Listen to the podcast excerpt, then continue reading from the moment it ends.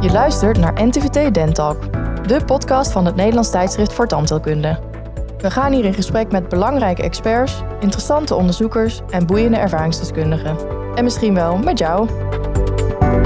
De presentatie is in handen van tandarts-epidemioloog en hoofdredacteur van het NTVT, Casper Bots. Innovaties in de mondzorg. Dat is het onderwerp van deze NTVT Dental podcast. Live vanaf de Dental Expo beursvloer in de RAI in Amsterdam. We gaan hier in gesprek met dokter Jeroen Liebrechts, MKA-chirurg en hoofd van het CBT in Nijmegen. Jeroen, een hele goede middag. Dankjewel. Leuk je hier, uh, hier te zien. Begin dit jaar ben je gepromoveerd uh, op de manier waarop 3D, digitale technologie, uh, de voorspelbaarheid van operatieve K-correcties kan verbeteren. Klopt. Wat is nou je belangrijkste conclusie van dat innovatieve onderzoek?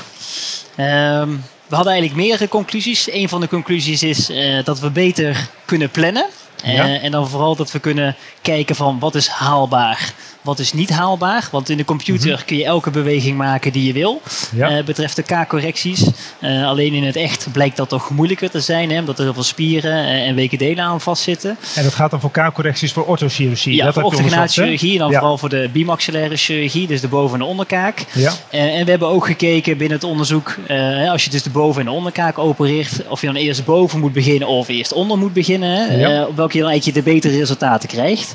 En wat blijkt eruit? Ja, er blijkt eigenlijk dat uh, als je zowel boven als onder begint, dat het globaal hetzelfde is. Behalve ja. als je de onderkaak een counterclockwise spits wil geven. Dus ja. als je de echt de kin naar voren wil draaien, ja, ja. dan kunnen we beter starten met de onderkaak. Omdat we dan zien dat we onze planning beter halen. Dus je, je plant van tevoren digitaal, ja. denk ik, plan je ja. dat. En, dan, en hoe ver zit je er dan naast, zeg maar, als je al gaat plannen en dan het resultaat vergelijkt? Ja, we hebben eigenlijk uh, uh, in de wereld afgesproken dat als we binnen uh, de weken delen plannen we dan, binnen de weken delen de, binnen de 2 mm zitten, dat we zeggen dat we het goed doen. Ah. En gemiddeld zitten we rond de 1, 1,5 mm op weken delen niveau. Oké, okay, waar, waar willen jullie naartoe? Ja, liefst wil je naar de 0 tot een half. Dat is natuurlijk okay. hetgene wat je wil. En wat is, dan het, wat is dan het meest lastige van die voorspelbaarheid? Zit het dan in de botstructuur? Zit het in de weken delen? Of? Nee, het zit echt in de, in de weken delen. Dus de botstructuren weten we steeds beter te voorspellen. Al zeker omdat we al onze patiënten die we hebben, die gaan we nog steeds analyseren. Dus we hebben heel veel ja. data. Dus we zien dat we dat halen. Alleen we zien dat de weken delen zich uh, moeilijker laat voorspellen dan dat de software ons, ons laat zien. Dus daar moet echt en, nog een verbetering worden en gemaakt. weet je dan al een beetje waar dat in zit? Waarom die weken delen dan moeilijker voorspelbaar zijn?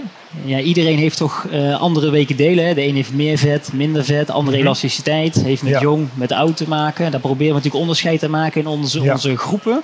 Uh, maar die zijn ja, eigenlijk niet groot genoeg. Dan heb je het echt over duizenden patiënten om daar echt onderscheid in te maken. En zover zijn we nog niet. Oké, okay, maar ik kan me voorstellen dat jullie in de toekomst graag de onderzoek in misschien Europees verband of zo willen gaan doen op dat gebied. Ja, zeker. Dat, uh, daar zijn we ook mee bezig. We zijn al met, met Denemarken doen we met een, een groep samen. Okay. En dat, dat wordt steeds, de, onze data hebben we al geclusterd. Ja. Uh, ja, en het wordt gewoon steeds meer. En dan hopen we daar onze groepen zo groot te kunnen maken dat we steeds meer kunnen zeggen. Ja, want het gaat natuurlijk over innovaties in, in de tandheelkunde. En je hebt vanmorgen hier over de beurs heen gelopen. Ja. Wat was je nou opgevallen? Wat je dacht van, hé, hey, dit is echt voor, voor mijn werk, die, die 3D-planning en de voorspelbaarheid. Waar zou ik wat mee kunnen? Uh, nou, het belangrijkste vind ik als je hier op de beurs loopt, is dat je toch wel ziet dat de intraorale scanner uh, steeds verder wordt doorontwikkeld. Ja, dat is niet nieuw natuurlijk, hè? die bestaat al een aantal nieuw. Maar als ik weet met de eerste scanners die we werkten, was het best wel, uh, nou moeilijk wil ik niet zeggen, maar kostte wat tijd. En met de nieuwe scanners zie je dat het makkelijk gaat. Vooral de software wordt beter, makkelijker. Dus het gaat, gaat sneller en wordt het nauwkeuriger ook? ik denk dat de algoritmes wel beter worden, ja. Dus ja. En het wordt, ja, zoals we dat zeggen, een beetje idiot-proof. Dat als iedereen het kan, dan zegt dat de software het echt goed doet. Dan ligt oh, dus dan, dan, als ik het doe, gaat het ook goed? Bijvoorbeeld. Okay. Ja, ik weet niet of je vaak scant, maar ja, dan, dan zou het nee, ook ik, goed ik gaan. Te, ik sta op het punt om bijna een scanner aan te gaan schaffen. Dus ja. dat betreft is het interessant om hier dan uh, te kijken wat je dan zou... Uh, zou moeten gaan, ja. uh, gaan doen. Ja, zeker. Dus dat, dat was je opgevallen. Die, die scanners die zijn dus innovatief in de zin dat ze steeds beter worden. Zijn er ja. nog andere innovaties uh, geweest? Of ben je specifiek naar iets op zoek geweest uh, wat je voor je eigen werk zou kunnen gebruiken? nou ja, we zijn ook bezig geweest om eigenlijk een kleinere scanner te krijgen. Omdat binnen de afdeling bij ons is er nog een vraag om kleine baby's met schiezes te scannen. Om ja. de groei van de kaken te kunnen... En welke leeftijd dan? Een paar maanden? Je hebt het echt over een paar maanden tot een oh. jaar. Echt de babyfase nog. Dat is een heel klein mondje. Een heel klein mondje. Een heel klein scanner. Een heel klein scanner. Die hebben we nog niet gevonden. bijzonder. Maar Nee. dat bekijken we elk jaar weer op Misschien de is die te klein dat je niet ziet liggen, maar Ja, dus dat is waar we nog mee, eh, mee bezig zijn eigenlijk, om dat in, in kaart te brengen. ja. En eh, tot die tijd maken jullie dan afdrukken bij de baby's? Ja, zo? nu worden er nog afdrukken gemaakt. Ja. Eh, kleine babylepeltjes om daar nog afdruk te maken. Maar ja, we zouden liever gewoon digitaal kunnen werken. Ja, oké. Ehm, je, hebt ook een, eh, je bent co-auteur geweest. Eh, je werkt op de afdeling van eh, Gert Meijer. Je hebt ook een deel van zijn spreekuur, of zijn hele spreekuur, heb je overgenomen. En een aantal maanden geleden schreef je in het NTVT een artikel over de reconstructie naar aangezichtstrauma met dentoalveolair letsel. Ja. Daar kwam ook weer het belang van die 3D-planning naar voren. Ehm, en je werkt dus, als ik het goed begrijp, op het grensvlak van die innovaties en die 3D-planning. Ehm, dat is echt jouw werkterrein. Ja. Toch? En kan je in het kort aangeven hoe zijn hele workflow, hoe dat, eh, hoe dat gaat? Dus stel, eh, ik loop straks uit de rij eh, op weg naar de metro en ik val op mijn gezicht en ik kom in jouw handen terecht. Niet dat je me opvangt, maar volgende week. Wat ga je dan doen? Mijn hele front ligt eruit. Nou, dan ga ik als eerst aan je vragen of je toevallig nog modellen hebt of een digitaal... ja, eh, die heb ik. Die heb je eh, van jouw gebit. eh, kastje. Nou, heel goed. Dat is in ieder geval fijn. Eh, want binnen de implantologie zijn we eigenlijk al wat verder dan bij de orthognaaschirurgie. Dan willen we dus... eh, eerst gaan we kijken van wat missen we? Ja. Tandniveau, tandvleesniveau, botniveau. Het gaat gewoon een soort lijstje af van analyseren van wat ja, is er wel, ja, wat dus, is er niet. dus ik maak dan een scan van jouw huidige gebit als je bent gevallen. En dan heb ik jouw scan van daarvoor. Die kan ik over elkaar heen zetten. Of in ieder geval het 3D-lab helpt mij daarbij. Ja. Eh, en dan kunnen we gewoon een lijstje maken van wat missen we. En als je weet wat je mist, dan kun je daarna gaan kijken wat hebben we nodig om het aan te vullen. Dus als ik dat goed begrijp, stel mijn, mijn bovenfront is eruit, een stuk van mijn van lip is weg, een deel van mijn neus eh, is weg. Ik hoop het allemaal niet. Dan zie je dus eh, eh, die, nou, bijvoorbeeld eh 3 centimeter bot is er nodig in een bepaalde dimensie. Ja. Je tandvleesdikte is 2 millimeter. eh, ja, nou, dikte is nog moeilijker om te voorspellen. Maar in ieder geval Ja. wel van we missen ook tandvlees, vooral in de lengte. Dikte is nog wat moeilijker, helaas op dit moment. Maar vooral Ja. hoeveel lengte mis ik. Daar gaat en, dan, en dan bijvoorbeeld een stuk van de neus, een Ja. neusprothese. En dan eigenlijk maak je dus een soort bouwpakket Ja. van je gezicht. Ja. En als je dan dat hebt gedaan, waar begin je dan als eerste mee? Nou ja, dus stel dat is, dan moet, ik dan eerst, moet je dan drie maanden wachten voordat dat een beetje genezen is, voordat je kan gaan opereren. Eh, of moet je Ehm. juist zo snel mogelijk eh, gaan opereren? Nou ja, tijd is altijd wel belangrijk. Hangt er een beetje Ja. vanaf. Kijk, als je natuurlijk je neus en je lippen meedoet, dan heb je natuurlijk de wekendelengenezing daarvan, die nog wat tractie kan geven naar de genezing. Een soort spanning. Dat op is wel de, spanning, Ja. de littekenweefsel. Dat is even de vraag van hoe groot is dat? Als we puur even over het mondeffect houden, dan ja, ga je natuurlijk het liefst zo snel mogelijk kijken van wat missen we. Ja. En dan gaan we eigenlijk weer opbouwen van bot, eh, tandvlees. ja, eh, en daarna eh, ga je weer de tanden terugzetten. Nou ja, vaak dat is dan het slotstuk met, eigenlijk. met implantaten en uiteindelijk dus het Kronenbrugwerk erop. Ja, maar dus- het Kronenbrugwerk is wel hetgene waarop we terugplannen. Dus, dus je begint eigenlijk met Kronenbrugwerk en dan ga je terug naar het bot. Met de planning. Ja? En dan beginnen we met opbouwen met bot, tandvlees, Kronenbrugwerk. Aha, dus je, je stelt eigenlijk voor waar je heen wil. Ja. Of je stelt voor, dat kan je ook echt al zien. Dus Ja. de patiënt kan ook al zien van zo gaat het worden. Ja, En dan ga je eh, backwards planning of iets ja dergelijks. de heet dat backward planning inderdaad. Ja, dan ga je terug, eh, terugplannen. Ja. En daarom is denk ik ook zo belangrijk om te weten wat er met dat bot gebeurt, of niet? Ja. Hoeveel, in welke mate dat gaat slinken. En, Ja, de, de, de, daar hebben we nog geen harde getallen van. We weten dat het slinkt. Hè? Dus je Ja. moet altijd binnen je, eh, je opbouw moet je altijd ietsjes meer aanbrengen. Want je weet dat het altijd wat slinkt. Mhm. Dat klopt. En dat is nog een beetje dat vlak wat we nog met onderzoek moeten doen. Van hoeveel hebben we nodig en hoeveel gaat het, gaat het slinken. Klopt. Want als je in je artikel kijkt, dan zie je hier plaatjes staan van geoogste corticospongieuze botplaat van Ja. bekkenkam. Ja, Dat is kwalitatief heel goed bot, heb ik als van Gert Meijer begrepen. ja klopt. En, eh, maar dat, dat slinkt ook op een bepaalde manier, of niet? Ja, Of is dat vrij hard? Eh, nou, de cortex is natuurlijk wel hard, maar het spongiose is natuurlijk echt zacht bot. Dus je moet Ja. altijd zorgen dat je wat cortex hebt. Eh, dus je moet eigenlijk een soort box maken. En daarin moet je dus je spongiose neerzetten. En je cortex moet ervoor zorgen dat je dus zo min mogelijk resorptie gaat krijgen. Dus je legt die cortex, maakt een soort kubusje. Stel dat mijn bovenfront uit is, maak een soort kubusje van dat bot. Ja. Met, waar je allemaal bot instopt. Ja. Dat maak je dicht en dan bid en hoop je dat het eh, goed ja, komt. ja, en dan het dichtmaken is vaak het lastigste, want het opbouwen dat lukt wel. Ja. Maar ja, wat je al zei, je bent gevallen, je bent ook wat tandvlees verloren. Eh, dus je mist dat twee keer delen. In je eerste geval moet je dus best wel veel voor je omslagplooi opofferen om het weer dicht te krijgen. En En dat moet je opofferen is dat, dat, je het eruit gaat Ja, eh, je moet echt een tent maken, helemaal losmaken om het, om het eh, ja, dicht te krijgen. Want als je bot in je mond open ligt, dan Ja. komt er speeksel, bacteriën en dan gaat het niet van goed. Dus hier is ook dat bot is weer heel voorspelbaar. Maar Ja. dat slijmvlies in de wekendelen, Ja. die maken het spannend Juist. zeg maar, voor het eindherstel. ja. Weken Oké. delen is altijd het moeilijkste. Dus dan is dat klaar. Maar heb je dan ook een soort tussenstapje nog om te checken of je goed bezig bent? Dat je, want je stelt net, je gaat dus eh, uit van die situatie van hoe de gebedselementen geplaatst moeten gaan worden uiteindelijk. Ja. Maar dat moet je denk ik voortdurend checken, toch? Ja, dus die, iedere intro- keer gecheckt. die intraorale scan die we dan weer kunnen maken samen met je CBCT kun je weer in je programma zetten. En dan kun je kijken, eh, wat hadden we ge- gepland? Ja. Hoe ver zitten we erbij? En kunnen we door naar de volgende stap? En hou je dan net bijvoorbeeld als met implantologie, hou je dan een maand of drie aan. Stel dat ik dus, ik was hier gevallen en dit is opgebouwd. Eh, de, er zit bot in van mijn bekkenkam en het tandvlees zit er overheen. Het, eh, eh, kan ik dan over drie maanden, ga je dan implanteren al? Eh, de drie maanden is wel heel snel. Vaak de ondergrens is ongeveer vier maanden. Maar dan Oké. hangt er weer vanaf hoe groot is het effect. Hoeveel Ja. bot heb ik erin moeten doen. Eh, dus, en hoe jong ben je? Ben je gezond? Hè? Ja. Eh, dat soort dingen. jong allemaal- en gezond, denk ik. Ja, nou ja, goed, dan, dan maakt het al wat beter. Ja. Als je natuurlijk wat ouder bent en wat minder gezond, dan, dan moeten we wat langer wachten. Dus dat is wel een beetje, per patiënt moet je dat aanhouden. Dus zeggen ze vaak vier tot zes maanden. Waarvan bij jou dan waarschijnlijk de vier maanden zal zijn. Maar de wat oudere patiënt moeten we misschien zes maanden wachten. En hoe meet je dan die kwaliteit van het bot? Want je hebt natuurlijk je best gedaan met al dat, eh, dat eh, geoogste corticospongeuze bot. Eh, hoe weet je nou of het echt goed is?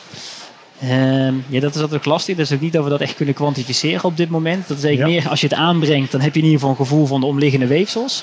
En als het daarna geneest, je ziet wel hoe snel het dicht is, hoe snel eh, de rest eromheen geneest. Dat, dat geeft je ongeveer een gevoel. Precies. Helaas geen getal, maar een gevoel. Oké, nou, maar een klinisch gevoel. Ja. En dat is ook iets natuurlijk. Dus niet wetenschappelijk onderbouwd, maar wel een gevoel. Ja, ja, ja die fase zitten we daarbij, Ja. klopt. Ehm, ja, want ehm, dan is, is natuurlijk de vraag. Dit zijn dus, je, hebt, eh, je hebt onderzoek gedaan dus naar die, eh, die kaakverplaatsingen. Eh, en hoe dat allemaal, wat er aan relapse en dergelijke optreedt, ook met het kaakbot. Ja. Toch? Als ik het, Ja. Eh, ehm, hoe ga jij zelf persoonlijk om met innovaties? Van, eh, is al, je hebt, sommige mensen zijn early adapter, die gaan wachten het even af en gaan dan aan de slag. Loop jij helemaal vooruit op en dat je als je hier iets ziet en je oh, dat ga ik gelijk maandag eh, in de praktijk proberen. Hoe ga je daarmee om? Eh, Hoe zou je als luisteraar daarmee om moeten gaan? Ja, nee, ik denk dat we wel redelijk ver oplopen. Omdat als wij iets nieuws zien, dan kunnen we hè, bij ons binnen het academisch centrum kunnen we wat sneller dingen implementeren. Maar eh, we maken wel altijd een studieopzet. Hè, Ja. Het aantal patiënten, vaak een kleine groep begin je mee. Dat ga je evalueren. En dan pas kun je zeggen, heeft het toegevoegde waarde of niet? Of waarvoor heeft het toegevoegd en waarvoor niet? Eh, zodat we er wel, ja, we willen graag innoveren. Dat is heel belangrijk voor het Radboud UMC. Maar je moet het wel evalueren in plaats van alleen maar doen. Ja. Maar als je niet evalueert, dan weet je niet of het werkt. Hè, Ja. Of het kosteneffectief is. Dat is tegenwoordig heel belangrijk. Dus, Zou dat dan, als je dat vertaalt gewoon naar, eh, als je als eh, tandarts aan het werk bent, stel dat er, hier liggen natuurlijk allemaal tig nieuwe bondingssystemen. Stel er is een nieuw bondingssysteem, om dat dan eerst bijvoorbeeld bij 20 patiënten te proberen.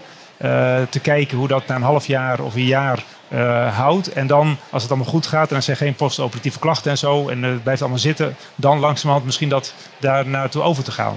ja, dat zou voor mij de beste oplossing zijn. Ja, Ik zou niet in één keer denken alles en dan dat het zal wel goed zijn, want de fabrikant zegt het. Eh, Ja. Ik ben daar toch voorzichtig in, want ja, als ik eerlijk zeg, we hebben met de, de begin van intraorale scanners vijf jaar geleden waren ze allemaal prachtig.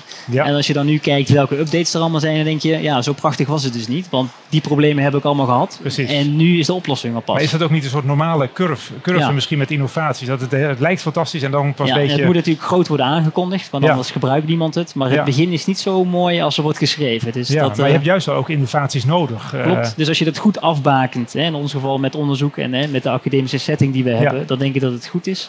In de algemene praktijk, als je daar de tijd voor neemt om, hè, om dat te doen, dan denk ik dat dat ook heel goed kan. Maar het kost tijd, energie en je moet je eigen resultaten wel beoordelen. Ja, dus kritisch reflecteren Ja. en, eh, en analyseren. Ja. Eh, ik, zo kondig ik je onderzoek aan als eh, innovatief eh, onderzoek. Ehm, eh, hoe innovatief was jouw onderzoek? En waar blijkt het uit? Eh, nou, ik- in Ja. die tijd dat we begonnen, hè, dus echt in 2006 zijn de eerste eh, 3D-planningen gemaakt. En het Ja. is allemaal verder gegaan hè, tot zelfs nu. En ik denk dat we nu bijna kunnen zeggen, ik moet voorzichtig zijn, maar dat het de gouden standaard is geworden voor orthognathische chirurgie dat we 3D plannen. Ja. Omdat we zien dat we echt eh, nauwkeuriger zijn, dat je beter kunt bijhouden wat je doet, eh, hoe je het doet. En, het leuke Hoe werd is... het voor die tijd gedaan? Want ik, ik herinner me nog wel van jaren geleden. Ja, dan werd het gedaan op een CEF. Dan had je een CEF, dan moest je tekeningen maken, eh, globaal verplaatsing Dan je papieren over elkaar heen eh, Ja. schuiven en dan een Ja. beetje... Ja. Wat had je ernaast liggen terwijl je aan het opereren was? Dat je Nou, dan had je wel een articulator nog, moest je in de articulator wat dingetjes Oh ja. verschuiven. Ja. Eh, maar eigenlijk werd alles met 2D geanalyseerd op profiel, maar niet zozeer Ja. eh, 3D. Dus het, het klopte wel. En uiteindelijk ging het om dat de occlusie goed is. Hè? Dat wat de patiënt wil, een fijne occlusie. En dat, dat, dat lukt je ook zonder dit. Maar als je naar profiel gaat kijken, dan denk ik echt dat de 3D een toevoeging is. En zeker met, met de huidige software eh, Ja. kan elke chirurg ook nog, als hij een operatie heeft gedaan en de patiënt na de operatie scant, en je stuurt dat op naar het 3D-lab, krijg je precies een verslag terug hoe goed je de planning hebt gehaald. Nou, doe er maar bij 10 patiënten. En als je ziet dat je altijd een afwijking hebt naar rechts, ik noem maar Ja. wat, nou, dan weet je dus steeds de operatie. meer naar links. Ja, dus, en dat is wel leuk, dat je dus je eigen Ja. handelen kunt evalueren en dan word je beter. Precies, dat doet me denken aan eh, roeien. Ik heb, ik heb in het verleden geroeid en er werden video's gemaakt. En dan zat bijvoorbeeld je rechterarm net iets te hoog. Dus volgende keer net ietsje lager, maar zo pas Ja. je dat dan ook toe. Ja. In het voorgesprek liet je zo straks een eh, plaatje ook zien van eh, hoe de implantaten geplaatst werden ten opzichte van wat je gepland had. En dan groen was, je zat goed. Rood, je zit, zit fout. Schrok je van die resultaten van jezelf? Of was het juist, of schrok je? Waren die zoals je had verwacht? Of dat je krijgt nu gewoon een soort feedback vanuit de computer van doe je het goed, matig of, of misschien slecht? Ja, nou ja, dat is in het begin altijd confronterend. Maar ik denk dat we tegenwoordig in een maatschappij zitten dat je elke dag moet leren, hè, je leven lang. Ja. En dan denk je, oh ja, nou is fijn dat iemand me er even op wijst. Want dan weet ik waar mijn zwakke punten liggen en dan kan ik daarop aanpassen. Maar dat iemand is eigenlijk een soort artificial intelligence, of niet? Ja, daar gaan we wel naartoe, ja. Ja, en wat, eh, in welke mate heb jij zelf te maken met artificial intelligence binnen je werkzaamheden? Ja, binnen de afdeling wordt er nu eh, goed ingezet om OPT's eigenlijk eh, te laten controleren door AI. Dus Ja. de ligging van de M3 met de nervus, zijn er kiestes aanwezig, apicale haarden, dat soort standaard dingen. Maar dat gaat dan, je, je praat heel makkelijk als standaard, gaat erover, maar ik als, als dorpsstandaardje, eh, dan heb je dus de OPT, die stop je in de software. Ja. En je gaat koffie drinken of je drukt op een knop druk en, op de knop. en dan ploep. Dan, ja, dan eh, krijg je bepaalde gebieden aangewezen en dan moet je daar kritisch naar kijken. En dan zegt hij Ja. misschien de kans op een kieste bestaat of de kans op overlap van de nervus bestaat. Eh, Misschien moet je een CBCT maken om het zo maar te zeggen. Maar Dus, dat is al standaard voor jullie. Nou, daar zijn we dus mee bezig. Oh ja.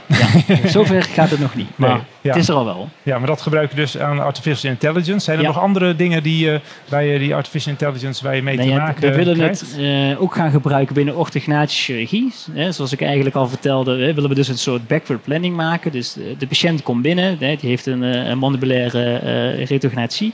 En je wilt die eh, eh, graag weer richting normaal krijgen. Nou, dan moet je dus een normaal populatie hebben. En met AI kun je dan die patiënten En die kan eigenlijk zeggen, met deze ingreep kunnen we die patiënt zo corrigeren. Aha, dus- maar je hebt dus heel veel data, heel veel input nodig. Juist. En we zitten natuurlijk een beetje aan het begin nog daarvan. Dus dat Ja. zal even duren voordat dat, die artificial intelligence gevoed is met informatie. Ja. En je steeds dichter bij een, ja, een perfect plaatje of bij Ja. normaal. Of, Normaal zeggen we, perfect bestaat niet, maar richting normaal. ja, En dan normaal is ook nog een, een breed eh, zin, want ja, je moet weer per eh, eh, jongen, man, vrouw zit natuurlijk al verschillen in. Leeftijd zit al verschillen in. Maar Ja. ook qua ras zitten verschillen in. Hè. Dat is Ja. ook weer zo, dus daar moeten we allemaal onderscheid in gaan maken. ja, dus er is nog heel veel werk eh, te doen wat Ja. dat betreft. Klopt. En wat verwacht je op dat gebied nog voor de komende jaren? Wat betreft innovaties die er gaan komen. Want op een gegeven moment denk je van nou, we zijn er toch wel. De digitalisering gaat, gaat veel verder, denk ik nog, Ja. zelf. Maar eh, wat Nee, denk jij? ik, ik denk dat AI, eh, om een makkelijker voorbeeld te geven, eh, binnen de implantologie, als je een 3D-planning maakt voor implantaten, dat AI dat ook kan overnemen. Die, dat die, dat implantaat globaal kan plaatsen, in ieder geval kan voorplannen. Dat je alleen maar zeggen, klopt het ja of nee? Ja. Dus die hele stap, je workflow kan sneller worden door AI te gebruiken. En dat zie ik wel echt eh, wel, wel Ja, daar we grote steeds meer de komende jaren dan over te zien als het goed is. Ja, Dus als we hier over tien jaar weer elkaar hier tegenkomen op deze Dental Expo, dan, eh, dan zeggen we tegen elkaar, zie je inderdaad, die artificial intelligence heeft een deel niet overgenomen, maar is ter ondersteuning Juist, van alle klinische werkzaamheden. Ja. Mooi. En wat is dan eh, tot slot voor jou de belangrijkste boodschap die je hebt eh, voor iedereen die, eh, die meeluistert, waar we volgende week maandag, dus nu vrijdag, volgende week maandag mee aan de slag kunnen of voor anderen morgen? Wat, wat is Ja. nou het allerbelangrijkste wat je mee wilt geven? Ja, het allerbelangrijkste is dat, het, is dat het lastig om te zeggen. Maar ik denk wat je zelf al zei. Je staat op de, op de vooravond om digitaal te gaan werken Ja, met een scanner. klopt. Nou, ik denk dat we nu wel op het punt staan eh, om die stap te maken. Want als ik naar mezelf eh, reflecteer. eh, ik denk dat ik echt nauwkeuriger werk door helemaal 3D te werken dan analoog. Ik ben er sneller in geworden, maar ik ben ook nauwkeuriger in geworden. Aha, dus ik moet eigenlijk dat, eh, dat eh, watervrees voor de digitale scanner opzij zetten en gewoon de stap gaan maken, zeg je. Ja, ik denk dat die tijd er wel is. Ja. Oké, nou ik neem je advies uh, ter harte. Dankjewel uh, Jeroen voor dit uh, gesprek. We zijn hiermee aan het einde gekomen van deze Dentalk podcast, waar we in gesprek waren met Jeroen Liebrechts over het thema innovaties in de mondzorg. Bedankt voor het luisteren en graag tot de volgende keer. Dit was NTVT Dentalk, de podcast van het Nederlands tijdschrift voor tandheelkunde. Heb je tips of leuke vragen voor ons? Laat het ons weten via redactie.ntvt.nl. Bedankt voor het luisteren en graag tot de volgende keer.